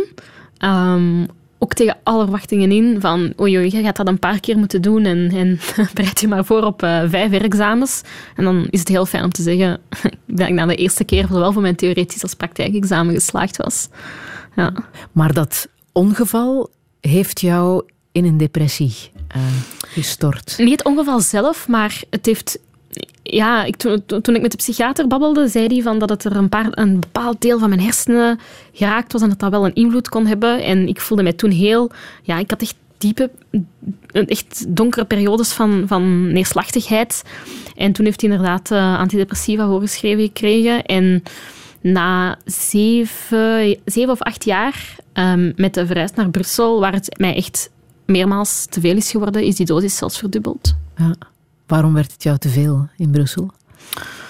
Brussel is, is in mijn ogen geen stad zoals een andere. En dat heeft ja, dat zowel positief als negatief. Uh, positief, het is een innovatiestad en, en, er, zijn heel veel, er is een smeltkoers van culturen. Maar um, het is alles behalve uh, audioproof. Ik kan er echt niet gedijen. Um, ik kan er mezelf niet zijn. Elke dag ga ik gebukt onder, onder die prikkels. Prikkels van, van, van geuren, van lawaai, van, van respect. Hoe dat men tegen, tegenover, ja, hoe dat men omgaat met elkaar. Um, en, en dat heeft mij echt... Ik heb, ik heb mij zo beter leren kennen, maar mezelf beter leren kennen, maar ik ben ook een beetje vervreemd geraakt van mezelf. Mm -hmm. Heeft deze periode, uh, in tijden van corona, um, ging het dan beter? Nee. Nee? Behalve. Want je zou denken, het is rustiger op straat. Mensen hebben meer respect voor elkaar, moeten meer respect tonen voor elkaar. Ja, dat is echt niet het geval. Nee? Nee. In Brussel... Brussel is altijd een hele uh, rebelse stad geweest. Van uh, wat, wat er wordt opgelegd, dat gaan we niet volgen. En dus effectief, uh, toen de lockdown nog maar pas bezig was, zag je mensen gewoon in groep staan. En ik word daar echt ja, dat, dat heb, ik, nog niet vermeld, maar mensen met autisme hebben een heel sterk rechtvaardigheidsgevoel. Dus elke keer als ik iemand, een groepje mensen zag, uh, dat de regels niet respecteerde, ging ik naar de dienstbijzijnde politie en zei ik, daar, die mensen op dat bankje, ga ze aanspreken, want ze betekenen een gevaar voor ons allemaal. En um, ja, mijn vriendin had zoiets van, oh my god. Die wou op den duur zelfs doen alsof ze niet bij mij hoorden. Begrijpelijk. Maar ehm, ja, we hebben op twee weken tijd vijf of zes keer de politie moeten bellen. Lockdownfeestjes, uh, beneden in ons gebouw wiet aan het smoren. Ehm, de politie die dan tegen mij zegt, ja, we zouden opnieuw een boete kunnen uitkeren, mevrouw, maar ze betalen ze gewoon niet. Dus het heeft eigenlijk geen zin en wij worden daar ook moe van. Dus ja, dat zorgt voor een hele opgekropte negativiteit en... en ja, daar kan, ik, daar ging ik toch heel moeilijk mee om. Al moet ik wel zeggen dat ik op mijn eigen manier wel mijn uh, Brussel-hacks heb gevonden voor iemand met autisme. Ehm, wat het inderdaad een beetje draaglijker maakt. Maar het is aftellen tot we verhuizen. Je gaat verhuizen? Ja. ja. Weg uit Brussel? Weg uit Brussel. Ja, waar naartoe? Antwerpen, ja. En oh, dan zijn er mensen die dan zeggen van ja, maar de problemen waar jij over klaagt, die zijn ook in Antwerpen hoor. En dan heb ik, ja, dan zeg ik van ja, toch in mindere mate. En ook Antwerpen is... Brussel is heel dicht bevolkt, heel dicht op elkaar. In Antwerpen... Antwerpen is iets uitgestrekter. Um, in Antwerpen kan ik ook... Um, ja, kan ik ook meer, meer, meer aarden. En ik ben daar heel lang naar school geweest. En ik moet zeggen dat ik dingen die ik in Brussel ervaar, dat ik die zelden of nooit in Antwerpen heb meegemaakt. Ja. Maar die angst is dan nog altijd aanwezig, aangezien je nog altijd die antidepressiva neemt. Ja, ja en dat zijn angst, angst voor lawaai, angst voor Ehm, ja, angst voor te worden, worden nageroepen en gaybashing. Uh, um, angst om, om ja, te worden aangereden ook. Um, ik, ik durf niet meer met de fiets te rijden in Brussel. Mm.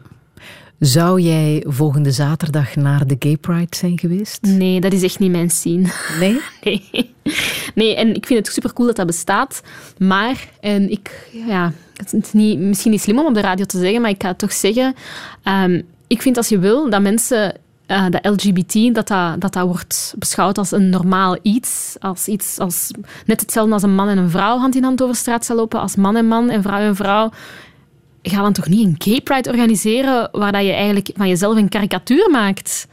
Daar heb ik het toch zelf moeilijk mee. Maar ik ga natuurlijk ook mensen niet veroordelen omdat ze daar zelf de nood voelen. Maar ik ben nog nooit naar de gay pride gegaan. Plus ik zou ook zenuwachtig worden van zo'n grote massa.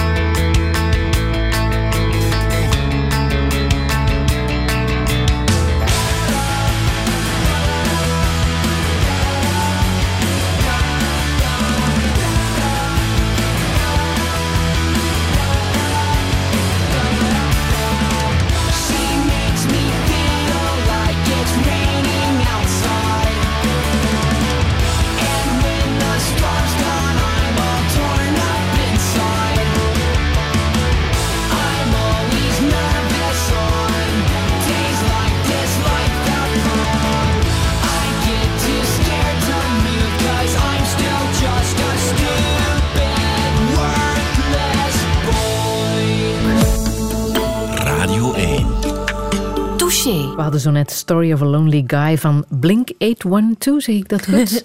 Blink 182. Ah, Oké, Magali de Reu, het is jouw favoriete band, hè? Ja, van alle, of all time. Ja. Ja? Ja, ja, toch wel.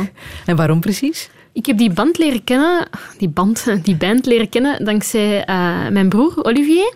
Ehm, en ik weet nog dat hij in zijn kamer eh, een nummertje liet, dit nummer liet horen. En dat, ik echt, dat we er allebei helemaal weg van waren. En ja, sindsdien is dat een obsessie geworden. En is het zelfs zover gekomen dat ik in 2009, september 2009, al mijn spaargeld eh, heb gebruikt om naar de reunietour van Blink-182 in de Verenigde Staten te gaan. En dat was het beste ooit. Ja? Ja, ik sliep in de meest vettige hotels, dat ik nu nooit meer zou doen, maar het was echt een herinnering om nooit meer los te laten. En vooraan eh, gestaan en handtekeningen gekregen? Nee, nee, dat niet. Ehm, ik, had wel, ik had wel zitplaatsen, omdat ehm, ja, vooraan staan... Ik denk ook dat de tickets heel snel... Waren toen in twee minuten tijd uitverkocht. Ehm, maar ik heb later wel... ik heb later wel 100 euro betaald om een meet and greet met die eh, zanger voor zijn, bij zijn ander- andere band eh, te scoren. En dat, was, ja, dat was, vond ik geweldig. Je had heel veel nummers kunnen kiezen van Ja. deze band, Ja. maar je koos Story of a Lonely Guy. Is ja. Daar een reden voor? Ja, omdat het eerste nummer was dat ik heb gehoord. En ehm, natuurlijk was het ook heel hip om dan op dat moment in 2002, denk ik dat het was, om het e-mailadres storyofalonelygirl.hotmail.com aan te maken. En dat was het e-mailadres waarmee ik dagelijks inlogde op MSN. Ah ja? ja. ja. Gaat dat een beetje over jou? Want een jaar geleden heb je op Facebook een bericht gezet met de vraag: zijn er nog mensen die zich eenzaam voelen? Ja, dat was wat specifiek, eh, specifiek over ja, eenzaam voelen als Vlaming in, in, in Brussel. Ik vond het heel moeilijk. Ik vind het toch heel moeilijk om zo van een bepaalde leeftijd om, om vrienden te maken. Ja, en, en ik ben verhuisd voor mijn vriendin naar Brussel. Maar eigenlijk, wa- ik vond het niet fijn dat haar vrienden dan zo per definitie ook mijn vrienden waren. Ik wou ook mijn eigen vrienden in Brussel eh, vinden. En toen was het eigenlijk echt een kwestie van ja, ik stel mezelf wel vaker kwetsbaar op, dus ik dacht, waarom ook niet op een eh, Facebookgroep in, eh, in Brussel? En ik heb dan een oproep gedaan en effectief, er waren heel veel mensen die zich voelden zoals ik. En van daaruit, in die, die, die zomer, dat was vorige zomer, heb ik dan eh, twee vriendinnen gemaakt, Jessie en Mare. En dat zijn altijd goede, goede vrienden. Dus dat is wel heel tof dat daar ook iets uit voort is gekomen. Ja, maar je kan je dus eenzaam voelen in een stad, ondanks het feit dat je een relatie hebt en samenwoont. Ja, vooral omdat ja, een soort van, van het gevoel van onbegrepen te zijn, om het gevoel van, van verloren te... Bijvoorbeeld, afgelopen week nog was ik eh, met de buurvrouw naar uh, Terkamerbos gegaan in Brussel. Supermooi, super. Echt, die, die gewone... Een bosbad, zoals ze zeggen, hè, dat heeft mij echt deugd gedaan. Brussel heeft ook goede kanten natuurlijk. Hè? Ja. Laten we Brussel niet nee, nee. helemaal afbreken. Nee, nee, nee, het heeft echt, echt, echt goede, kan, uh, goede kanten. En ik weet dat jij er ook woont, Friedel. Dus ik accepteer Brussel in al zijn vormen en kleuren en weet ik veel wat.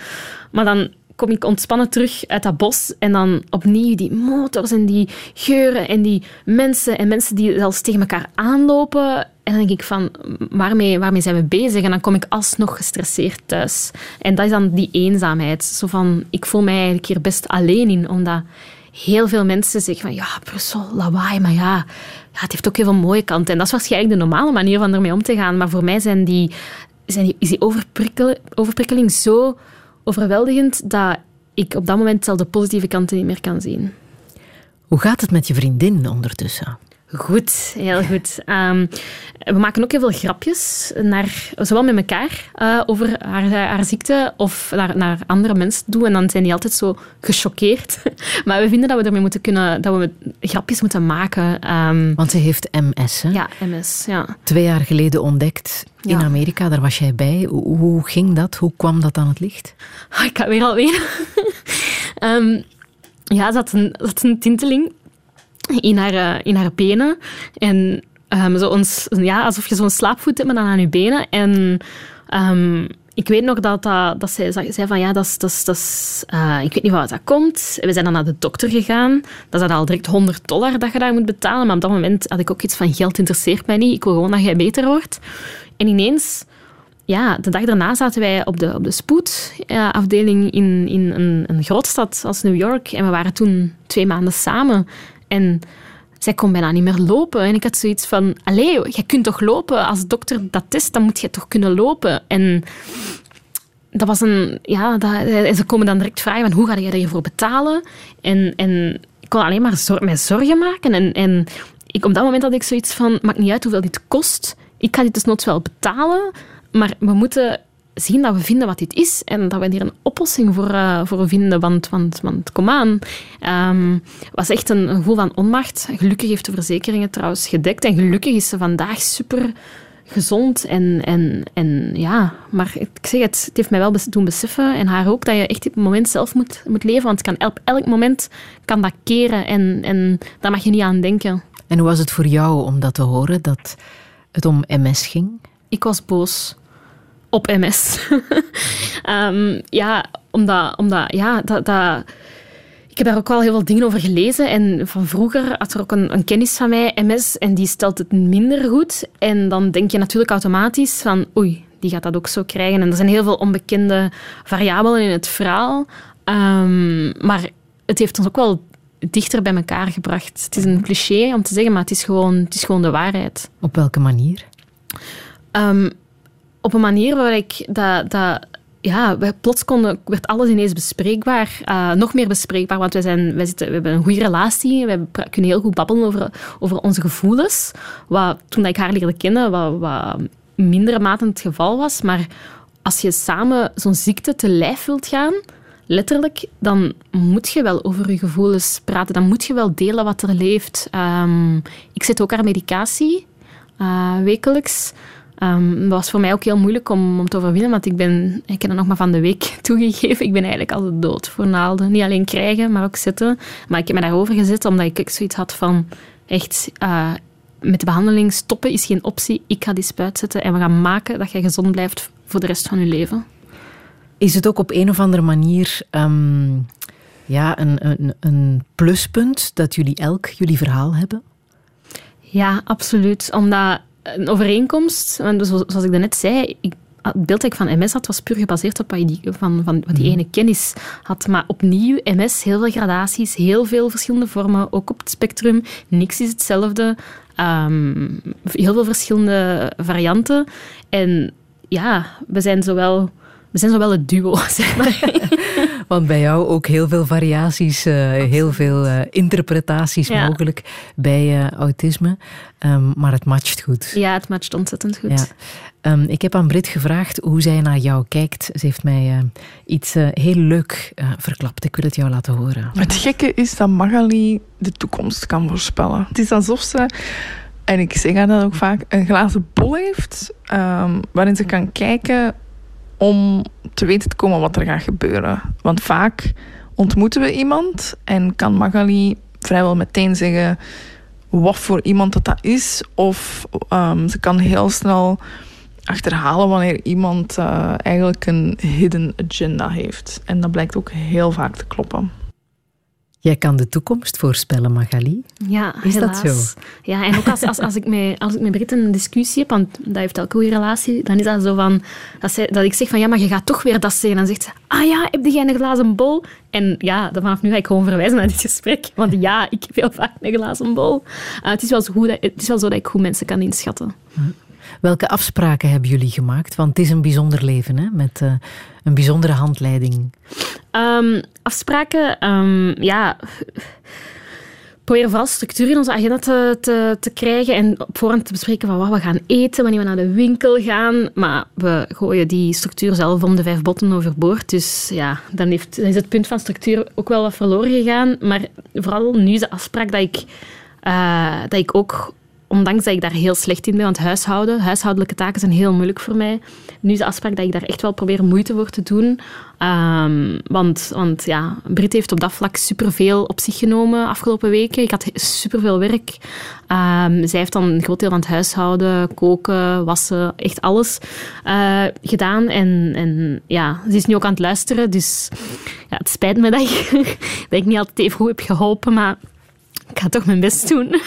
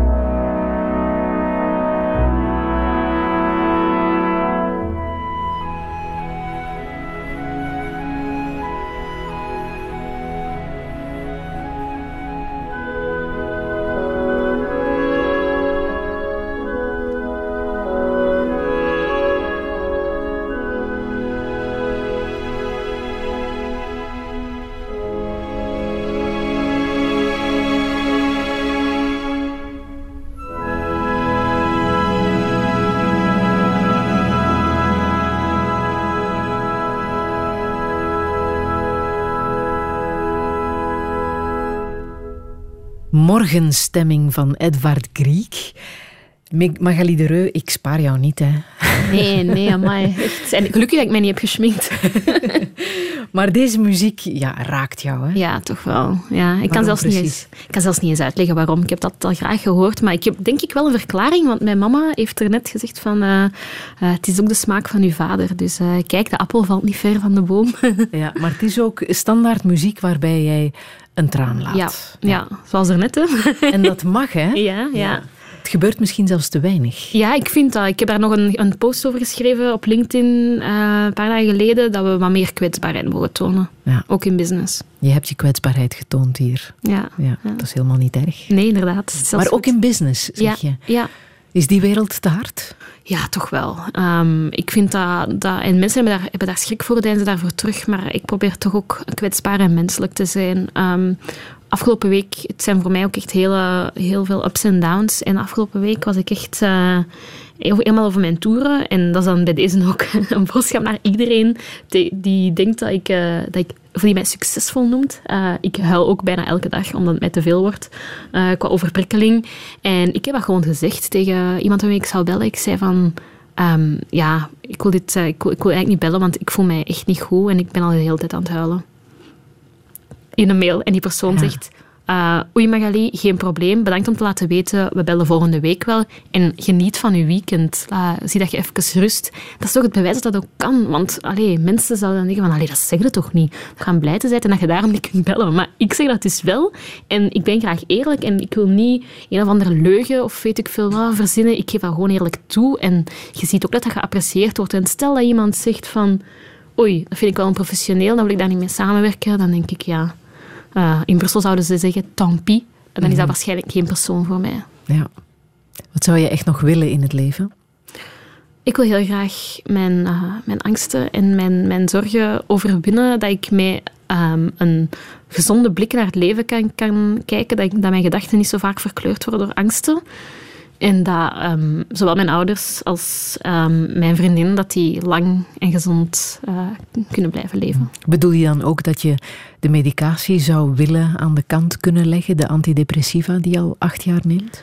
Ik wou dat het kon, maar eerlijk, in het begin van de coronacrisis voelde het alsof ik zelfs geen uh, medicatie meer nam. Ik voelde me zo slecht en dan besef ik, ik ben toch blij dat ik het, uh, dat ik het nog neem. En ik weet pillen zijn, allee, veel pillen nemen en langdurig pillen nemen. Het is ook niet de enige medicatie die ik neem. Uh, is niet goed voor je lijf, maar um, je geest maakt ook deel uit van je lijf. Laten we dat niet vergeten. Ja. Stel dat er een pil bestond tegen autisme, zou jij die nemen? Nooit. Nee? Nee. Vroeger zou ik hebben gezegd ja, absoluut. Maar deze, deze stoornis heeft mij gemaakt tot wie ik ben. Als ik het niet zou als ik het niet zou hebben gehad, dan zou, dan zou mijn, mijn pad en mijn toekomst er helemaal anders uitzien. Maar soms is het oké dat bepaalde dingen heel moeilijk gaan en moeilijk verlopen. Want anders, als het te gemakkelijk gaat, dan apprecieert je het proces toch niet. Mhm. Je bent vorig jaar 30 geworden, hè? Ja. Hoe oud zie jij jezelf worden? Hmm.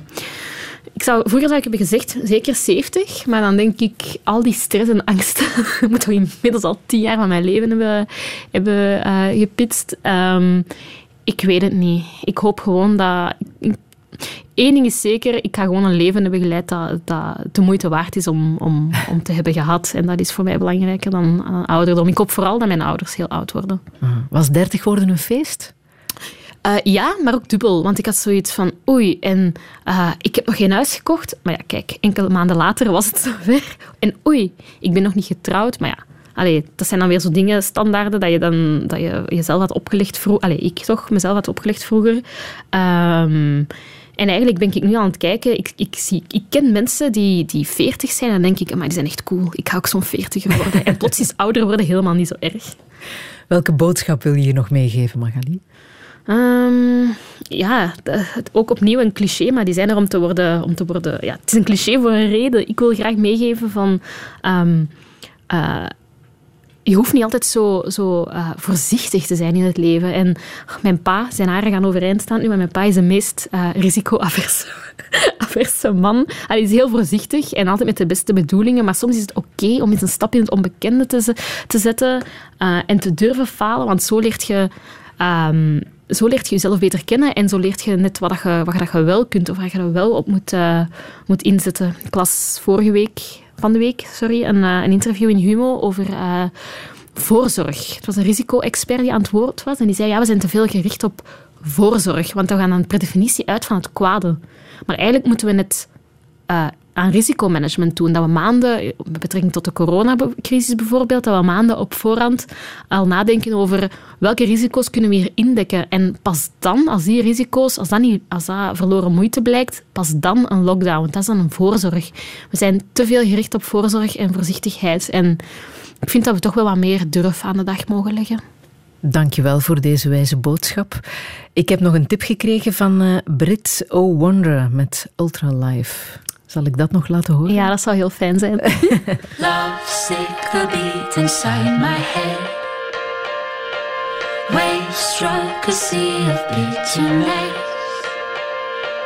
Lights out so low in the blue. Before I found you. Days pass slowly,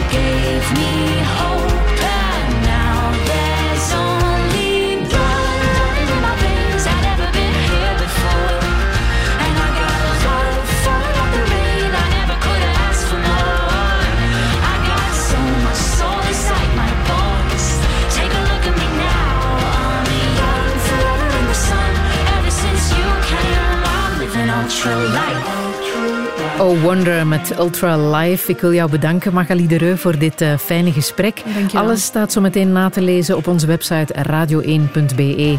Daar kan je ook de podcast activeren of onze Spotify-lijst. Daar staat uh, alle muziek ook volledig terug te vinden. Volgende zondag verwacht ik hier longarts Eva van Brakel. En ik wens iedereen nog een heel fijne zondag. Jou ook, Magali. Dankjewel, Friedel. Touché. Touché.